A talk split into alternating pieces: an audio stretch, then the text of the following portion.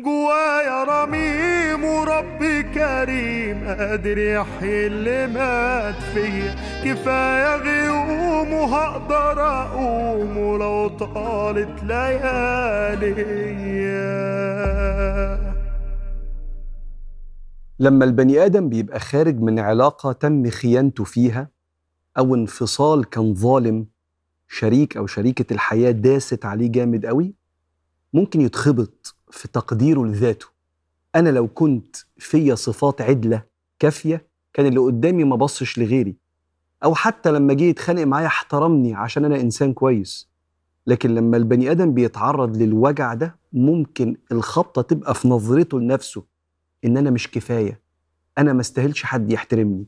وهنا وجب تحمل مسؤولية إعادة بناء قيمتك الذاتية.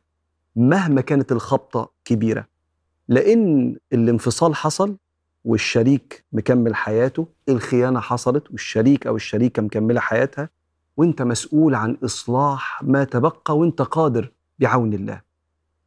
أول حاجة هتعملها محتاج تستدعي عقيدة الخير في وفي أمتي إلى يوم القيامة.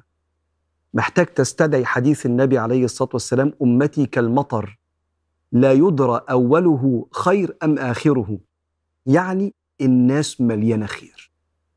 ولو أنت أو أنت يلي مكسور بعد الخيانة أو الانفصال الظالم ده شايف نفسك إنسان والله أنا مش وحش يبقى في ناس مش وحشين كتير زيك.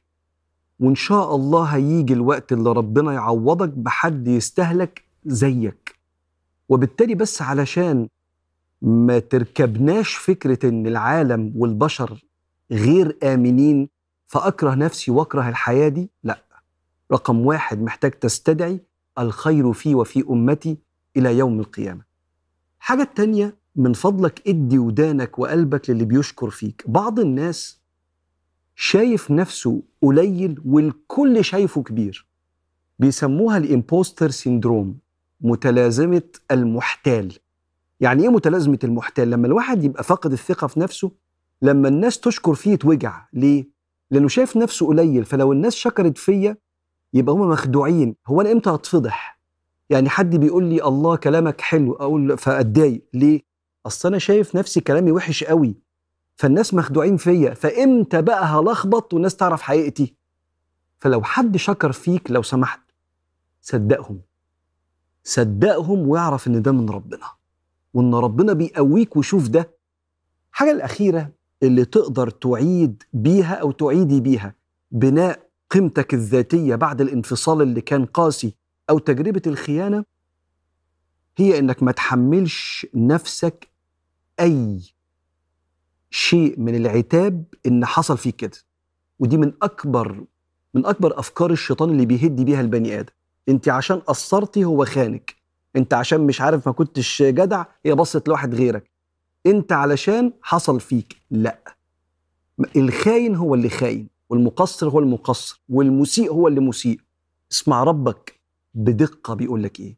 بيقول لك من اهتدى فإنما يهتدي لنفسه ومن ضل فإنما يضل عليها ولا تزر وازرة وزر أخرى. أيوة.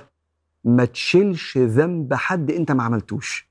لأنك أنت أو أنت لو تحملت ذنب الخيانة اللي حصلت فيك ده يهدك.